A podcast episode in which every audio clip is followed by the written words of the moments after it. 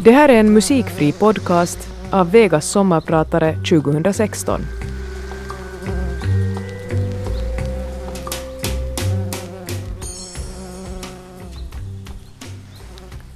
Jag är stolt innehavare av något som man kanske kunde kalla finskt mästerskap i antal sommarprat. Jag har haft äran att Eh, göra inte mindre än sju olika sommarprat genom åren. Jag har berättat om mina soliga barndomssomrar, om min passion för visor och slager och för det vulgära, galna, fulsnygga. Jag har talat om resor i Andarna och Amazonas och jorden runt. Om alla de platser som jag någon gång i livet har kallat hemma. Jag har ställt till med imaginärt kaffekalas och bjudit in mina sju drömgäster. Jag har fått vända ut och in på mig själv medan eh, ni har lyssnat. Och när jag fick frågan om att göra det en åttonde gång svarade jag förstås smickrat ja. Men insåg rätt snabbt att eh, jag redan tömt pajatson när det gäller sommarpratsanekdoter om mig själv. Därför vill jag idag ge min plats till någon annan. Till en av mina största idoler. En klok och varm förebild som har skänkt mig och många andra mycket ljus och kärlek. Ingen skulle komma på idén att be henne sommarprata. Därför vill jag göra det. Den här timmen ska du få ta del av min mormors sommarprat. Visserligen skrivet och berättat av mig. Varvat med musik som eh, Mommo älskar och som jag älskar. För när det kommer till musiksmak är vi typ årsbarn, jag och min 87-åriga mormor. Mitt namn är Thomas Lundin och idag är jag din sommarpratare.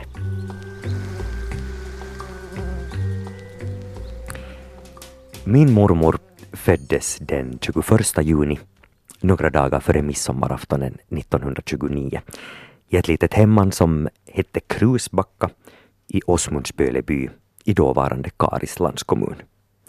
Hon fick det blomstrande namnet Linnea Ljung. Nomen est omen säger man på latin. Ett namn är ett omen. Och visst fick hon en blommande personlighet. Vacker och lite klädsamt blyg som en Linnea, livskraftig och stark som Jung. Visserligen ändra någon av hennes tysksinnade förfäder stavningen i efternamnet till Jung utan L. Nomen est omen igen en gång. Jung på tyska betyder ju ung och sin ungdomlighet, nästan flickighet, har hon bevarat upp i hög ålder. Alltid proper, alltid snygga kläder, papiljettlockat hår, örhängen, skarf. Min mormor föddes tio år efter inbördeskriget. Något som måste ha kastat skuggor över hennes barndom och alla andra som levde då. Tio år är ju ingenting. Det är tio år sedan Lordi vann Eurovisionen. Så nära inpå var alltså inbördeskriget, min mormors barndom. Finland var fattigt, få hade det välställt. Inte heller min mormors familj, och som de hade så de klarade sig. Föräldrarna ägnade sig åt småbruk, odlade potatis och råg, hade häst, ko och hönor för självhushållning och sålde lite av överskottet. Min mormors pappa Viktor var enkling när han träffade min mormors mamma Aina. Han hade redan sex vuxna eller halvvuxna barn. De äldsta av dem var jämnåriga med den nya hustrun Aina. Aina hade också en liten dotter, Brita, från ett tidigare förhållande. Tillsammans fick Aina och Viktor fyra barn, ett i året och för varje unge som kom planterade pappa Viktor ett äppelträd. Paul föddes år 1928, Linnea 1929 som sagt, Saga 1930 och Åke 1931. Till en början var allt lugnt och tryggt i den lilla världen. Också om den stora världen om en tid skulle stå i brand. Krusbärsbuskar, äppelträd och ungar frodades på Krusbacka. Somrarna var varma och soliga. Det simmades och metades vid Gyllene udden i Kyrksjön. Vintrarna var kalla, snörika och soliga. Det skidades i berg och på åkrar på hemgjorda skidor som pappa Viktor hade snickrat. Sportkläderna för lilla Linnea bestod av klänning och kappa som mamma Aina hade stickat och sytt. Livet och barnen lekte. Men snart skulle döden hälsa på. Inte bara en eller två utan tre gånger och ta både vuxna och barn med sig.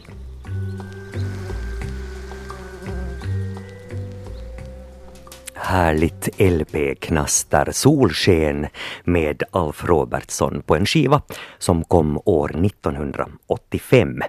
Då var jag 11 år gammal och en mer eller mindre daglig gäst hemma hos min mormor och morfar.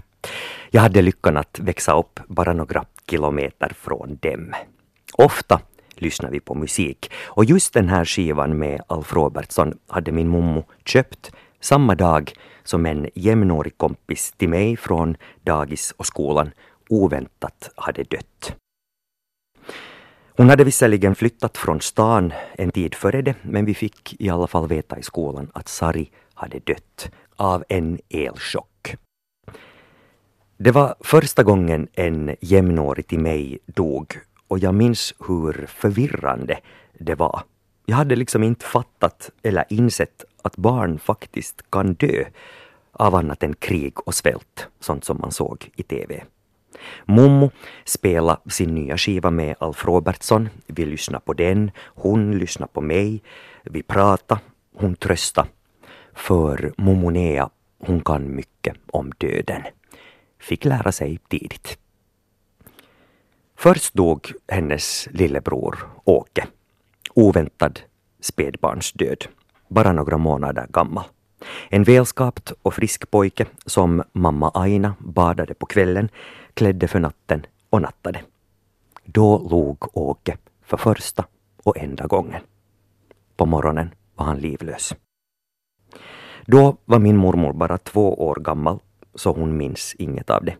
Men sorgen och saknaden efter lillebror Åke låg förstås kvar över Krusbacka och barndomen. Och kort därefter bröt tuberkulosen ut. På 1930-talet grasserade en tuberkulosepidemi i Finland. Varje år dog 10 000 finländare i tuberkulos. Barn och unga, vuxna och gamla drabbades. En finländare i timmen dog i sjukdomen timme efter timme, dag efter dag, år efter år. Sanatorierna fylldes av folk. Dels försökte man bota de sjuka, dels ville man hålla dem isolerade.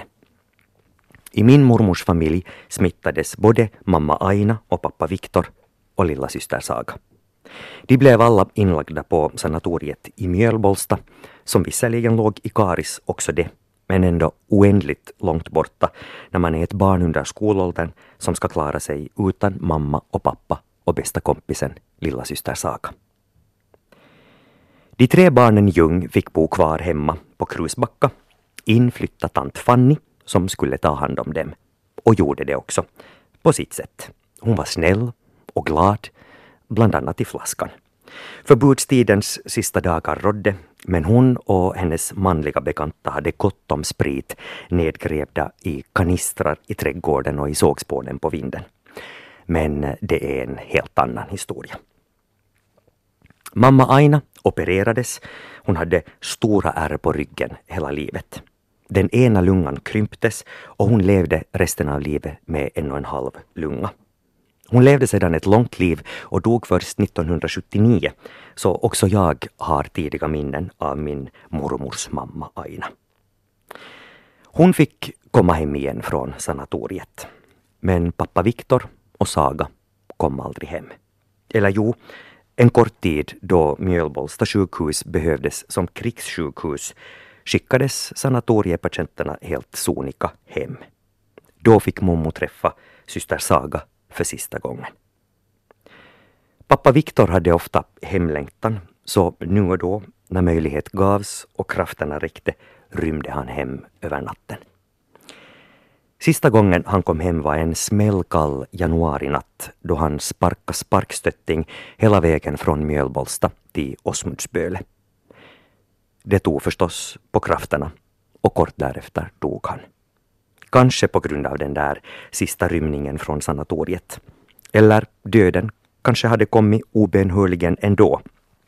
Kanske han bara ville hem en sista gång och se sin unga hustru och sina tre små barn som nu skulle bli faderslösa. Syster Saga levde ännu i två år efter det på Mjölbolsta sanatorium. Hon dog 1940. Då var min mormor 11 år och hade alltså mistat både sin pappa och två av sina syskon.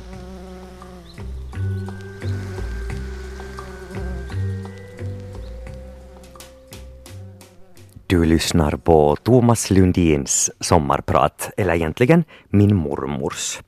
Nyss hörde du Sverigefinska sångaren Christian Anttila i duett med oefterhärmliga Sylvia Vrethammar, ännu en gemensam favorit för mig och mommo.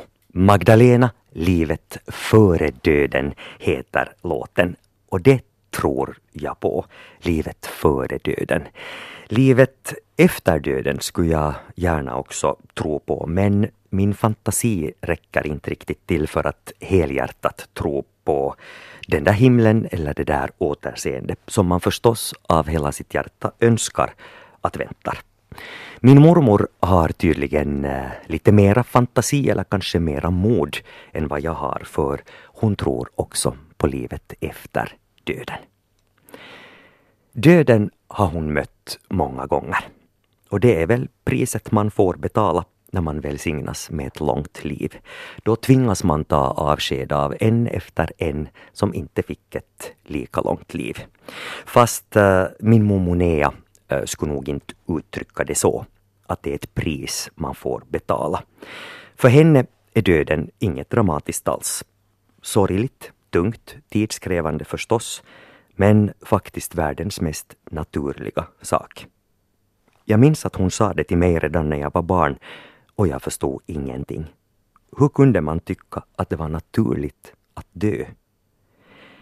I takt med att jag själv har blivit äldre, idag är jag faktiskt bara tre år yngre än vad mormor var när jag föddes, har jag ändå börjat förstå vad hon menade.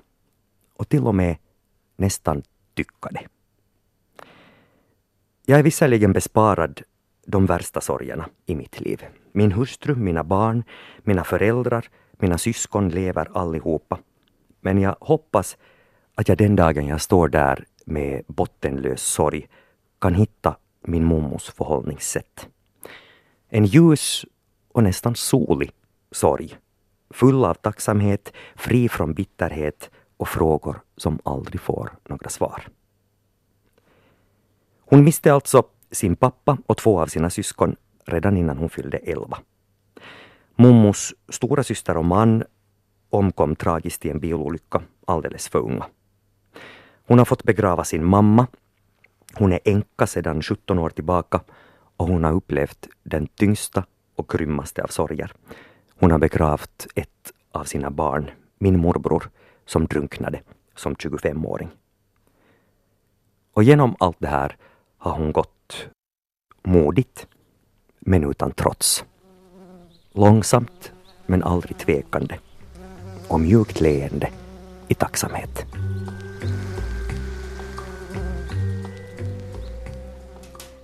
Det här sommarpratet har hittills kommit att handla rätt mycket om döden, vilket kanske är lite motsägelsefullt eftersom min mormor är en i högsta grad levande människa. En av de soligaste, gladaste och mest förnöjsamma människor jag känner eller ens känner till. Men å andra sidan, hon har lärt mig att liv och död inte är varandras motsatser utan snarare varandras förutsättningar. Och då hör döden hemma i ett program som handlar om min mormors liv. Vinterkriget bröt ut när Momonea var tio år gammal. Den sista november 1939 avbröts skoldagen i Sannes folkskola, liksom i andra skolor i landet.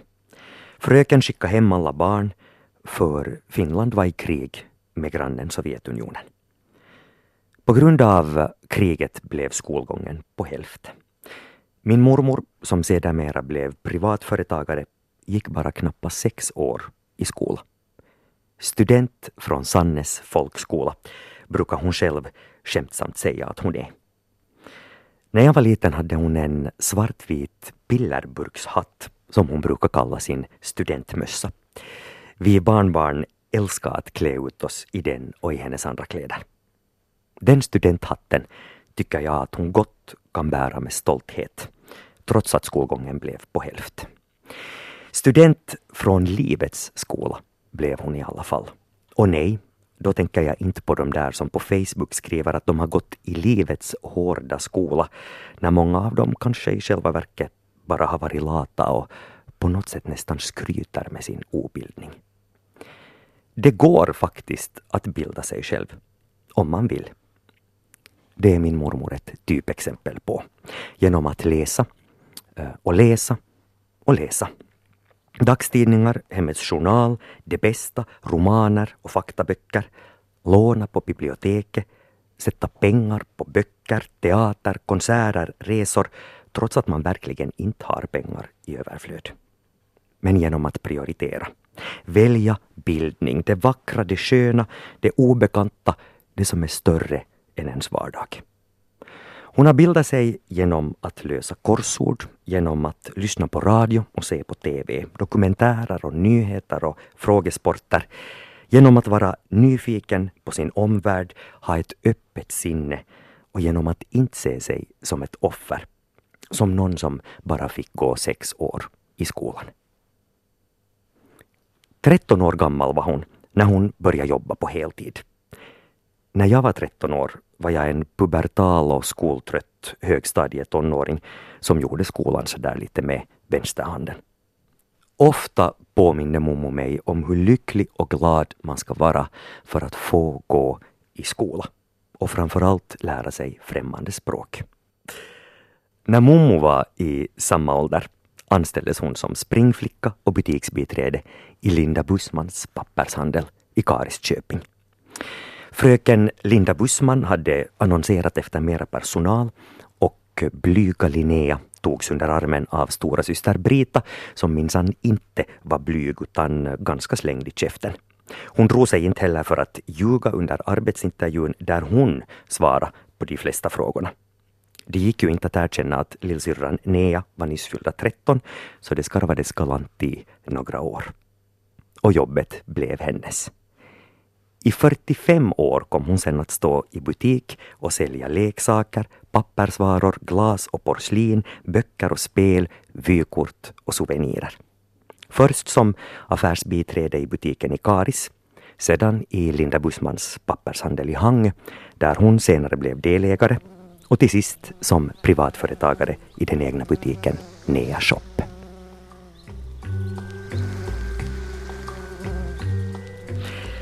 Oj, vet ni att ha en mormor som har en leksaksaffär, det är en dröm. En sann dröm i mitt fall. Jag gick aldrig i eftis som barn. Jag tror inte ens att det fanns sånt i Hangö på 80-talet. Jag kunde antingen cykla till min fammo efter skolan, hon var pensionär, och vänta med mellanmål och sällskap. Eller så gick jag över viadukten från Centralskolan till Berggatan, Hangö Skågata, där mormors butik låg. Också där fick man sällskap och mellanmål och så fick man jobba. Det älskar jag, att jobba med mommo. Det kunde handla om att springa ärenden till posten eller banken, kanske sortera papper, föra skräp och tomma lådor och kartonger till containern på butikens bakgård. Där fanns en galen hund som både jag och mommo var livrädda för. Men jag lät mig gärna mutas med en bulle eller munk och sprang efter det ut med skräpet så snabbt jag bara kunde. Det bästa var ändå att stå i affären och sälja komma med förslag på vad kunderna skulle köpa. Tanter som var inne för att skaffa presenter till sina barnbarn. Jag hade alltid idéer och förslag, avbröt gärna, fyllde i och sa vad jag ville. Du milde så lillgammal jag måste ha varit. Men mormor lät mig hållas. Mest älskar jag den gamla butikshyllan i glas som var fylld med pennor och gummin. Gummin i världens alla färger och former och dofter. Jag samlade förstås på gummin och hade alltid penalen proppfull i skolan. Passa på att göra reklam. Det här är de allra senaste. De finns bara i Helsingfors och i Nea Shop. Min mormor hade och har fortfarande fantastisk hand med barn. Hon förminskar aldrig barn. Daltar inte, talar inte babyspråk, utan visar stor respekt, behandlar dem jämlikt. När jag var i butiken var jag hennes kollega och ungefär i de här tiderna måste vi ha blivit kompisar. Mera än bara mormor och barnbarn. Inte på det där moderna, gränslösa sättet där vuxna inte vågar vara vuxna. Men en stark vänskap som inte bara har att göra med blodsband. Visserligen är jag säker på att hon har fått alla andra sju barnbarn att känna exakt likadant, för sån är hon. Nea Shop var en helt egen värld och det var fantastiskt och lärorikt att vara där. Exotiskt. Kunder kom och gick och man lärde sig mycket om människor och olikheter. En del hade roliga kläder, konstiga hattar, stora näsor, violetta läppstift och gröna naglar. Någon var full mitt på dagen. En annan hade ett speciellt sätt att tala. Några kom in bara för att prata av sig, gråta ut, medan mormor lyssnade och tröstade. Andra frågade efter oväntade och märkliga saker, köpte grejer som man trodde att ingen någonsin skulle köpa. En del var arga och de var ju de mest komiska. De flesta var glada och vänliga. Min mormors vänlighet och mjuka sätt smittade ju förstås av sig. På somrarna blev Lilla Hangö stort och butiken fylldes av turister. Man hörde engelska, tyska, franska, danska, norska och alla möjliga rikssvenska dialekter som det var underbart att härma. En gång kom självaste Lill Lindfors in i butiken och köpte vykort. Den gången var till och med jag tyst.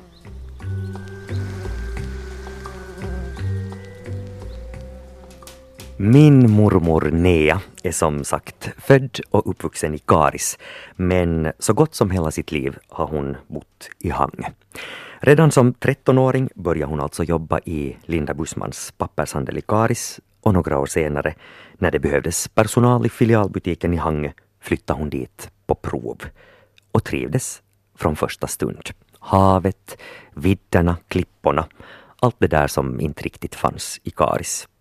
Friheten och kärleken. För snabbt träffade hon mannen i sitt liv. Bertel, en ung krigsveteran som hade ryckt in som frivillig, bara 17 år gammal. Snygg, atletisk, tuff, stor i jorden, hård som sten och mjuk som smör. Känslig som en hundvalp. Dessutom såg han ungefär ut som en vit Harry Belafonte, Mommos stora idol. Klart att hon föll dit. De gifte sig juldagen 1948, ett halvår innan Mommo skulle fylla 20 år. Och i snabb takt kom barnen. Tripp, trapp, trull och heter det månne trall när nummer fyra kommer. Till en början bodde de på vinden hos Mommos svärföräldrar, men snart byggde de ett gult frontmannahus med glasveranda och sågspånsvind. I det huset bodde de ett helt liv tillsammans. Ett lyckligt liv med skuggor och sorgkant. Just det där som gör lyckan så lycklig, om man bara kan ha den inställningen. Lyckliga morfar som fick leva ett långt liv med Momo. Han var 22 år när de gifte sig, men redan då en ärrad krigsveteran. Skadad av kriget. Inte fysiskt, men förstås mentalt. Absolut inte så att han skulle ha varit psykiskt sjuk, nej, nej. Men med hemska upplevelser i bagage. Minnen och demoner att hålla stångna, så där som de allra flesta finländska män födda före 1925. Vad skulle de alla ha gjort utan sina hustrur, flickvänner, mödrar, som lyssna, stötta, lirka, locka och pocka och framförallt erbjöd en vardag. Ramar, struktur, ställde krav, orka, älska och förstå. Så var det också hemma hos Momo och Mufi. Och det gjorde ju honom så hel man kan bli med ett krig i bagage. Han var rolig, min morfar. Lite farlig och otämjd. Uppkäftig och bråkig. Snäll. Tillsammans fick de fyra barn och åtta barnbarn. Och efter att Momo blev änka har hon fått 14 barnbarnsbarn med ett femtonde på kommande i höst. 50 år fick de tillsammans som gifta. De hann fira sitt guldbröllop på juldagen 1998 och ännu Mommos 70-årsfest med gardenparty midsommar 1999. De hade en fantastisk trädgård med morötter, redisor, ärtor och jordgubbar som man kunde äta direkt ur trädgårdslandet. Potatis, lök, dill och persilja, gula plommon och äppel, pioner, lupiner, syrener, dahlior, petunior, panseer. Den där 70-årsfesten var sista gången jag såg morfar i livet. Stämningen var hög, som alltid, när den stora familjen samlades. Det skålades för sommaren, livet och mormor. Morfar skålade mest av alla, som vanligt. När vi skulle gå hem, jag och min höggravida hustru, kom han fram till oss, la båda händerna på min hustrus mage och sa Oj, om man ändå skulle kunna födas på nytt. Då skulle jag vilja vara inne i den där magen.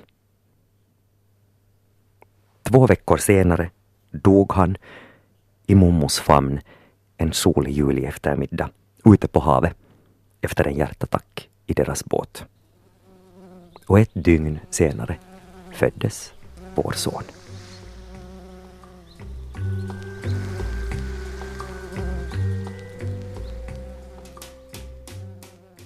En enda gång har jag och min mommo råkat i luven på varandra. Och det är länge sedan. Det var typ 1978 och jag var fyra år.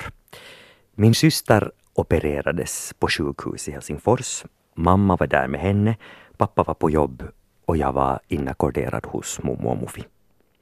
Mommo hade antagligen stått i leksaksaffären hela dagen, kom hem och skulle ta sig an veckostädningen. Och Thomas, fyra år, ville ha all uppmärksamhet. Vad det var för en bagatell vi stred om kommer jag inte ihåg, men jag minns hur mormor ilsket och irriterat drog iväg med dammsugaren mot vardagsrummet, eller kammaren som det rummet hette hemma hos dem. Det var en helt ny sida hos min mormor jag såg. Spänd över munnen, sträng i blicken, knyckiga rörelser. Jag hann se det här i cirka 15 sekunder. Sen stängde hon av dammsugaren med en suck, kom och tog mig i famnen och sa Vi ska aldrig strida igen, du och jag. Det här var första och enda gången. Och så har det blivit. Inte alls för att vi skulle vara konflikträdda, eh, någon av oss. Nej, nej. Eh, det var väl just det vi insåg där och då. Och därför har vi aktat oss för att ha ett behov av att irritera varandra. För också om jag kanske har målat upp en bild av min mommo som ett felfritt helgon så är hon förstås en människa som vem som helst med fel och brister. Men en ovanligt solig människa är hon. Unikt generös, sällsynt behaglig, påfallande kärleksfull. Att ha fått växa upp i din närhet är en av de bästa sakerna i mitt liv. Tack Momo. Alla ni som har en mormor, morfar, farmor, farfar ring dem idag. Se till att äta en glass med dem innan sommaren är slut. Bläddra i fotoalbum, minns och prata. Fråga. Mitt namn är Thomas Lundin. Till dig som lyssnat önskar jag sköna sommardagar.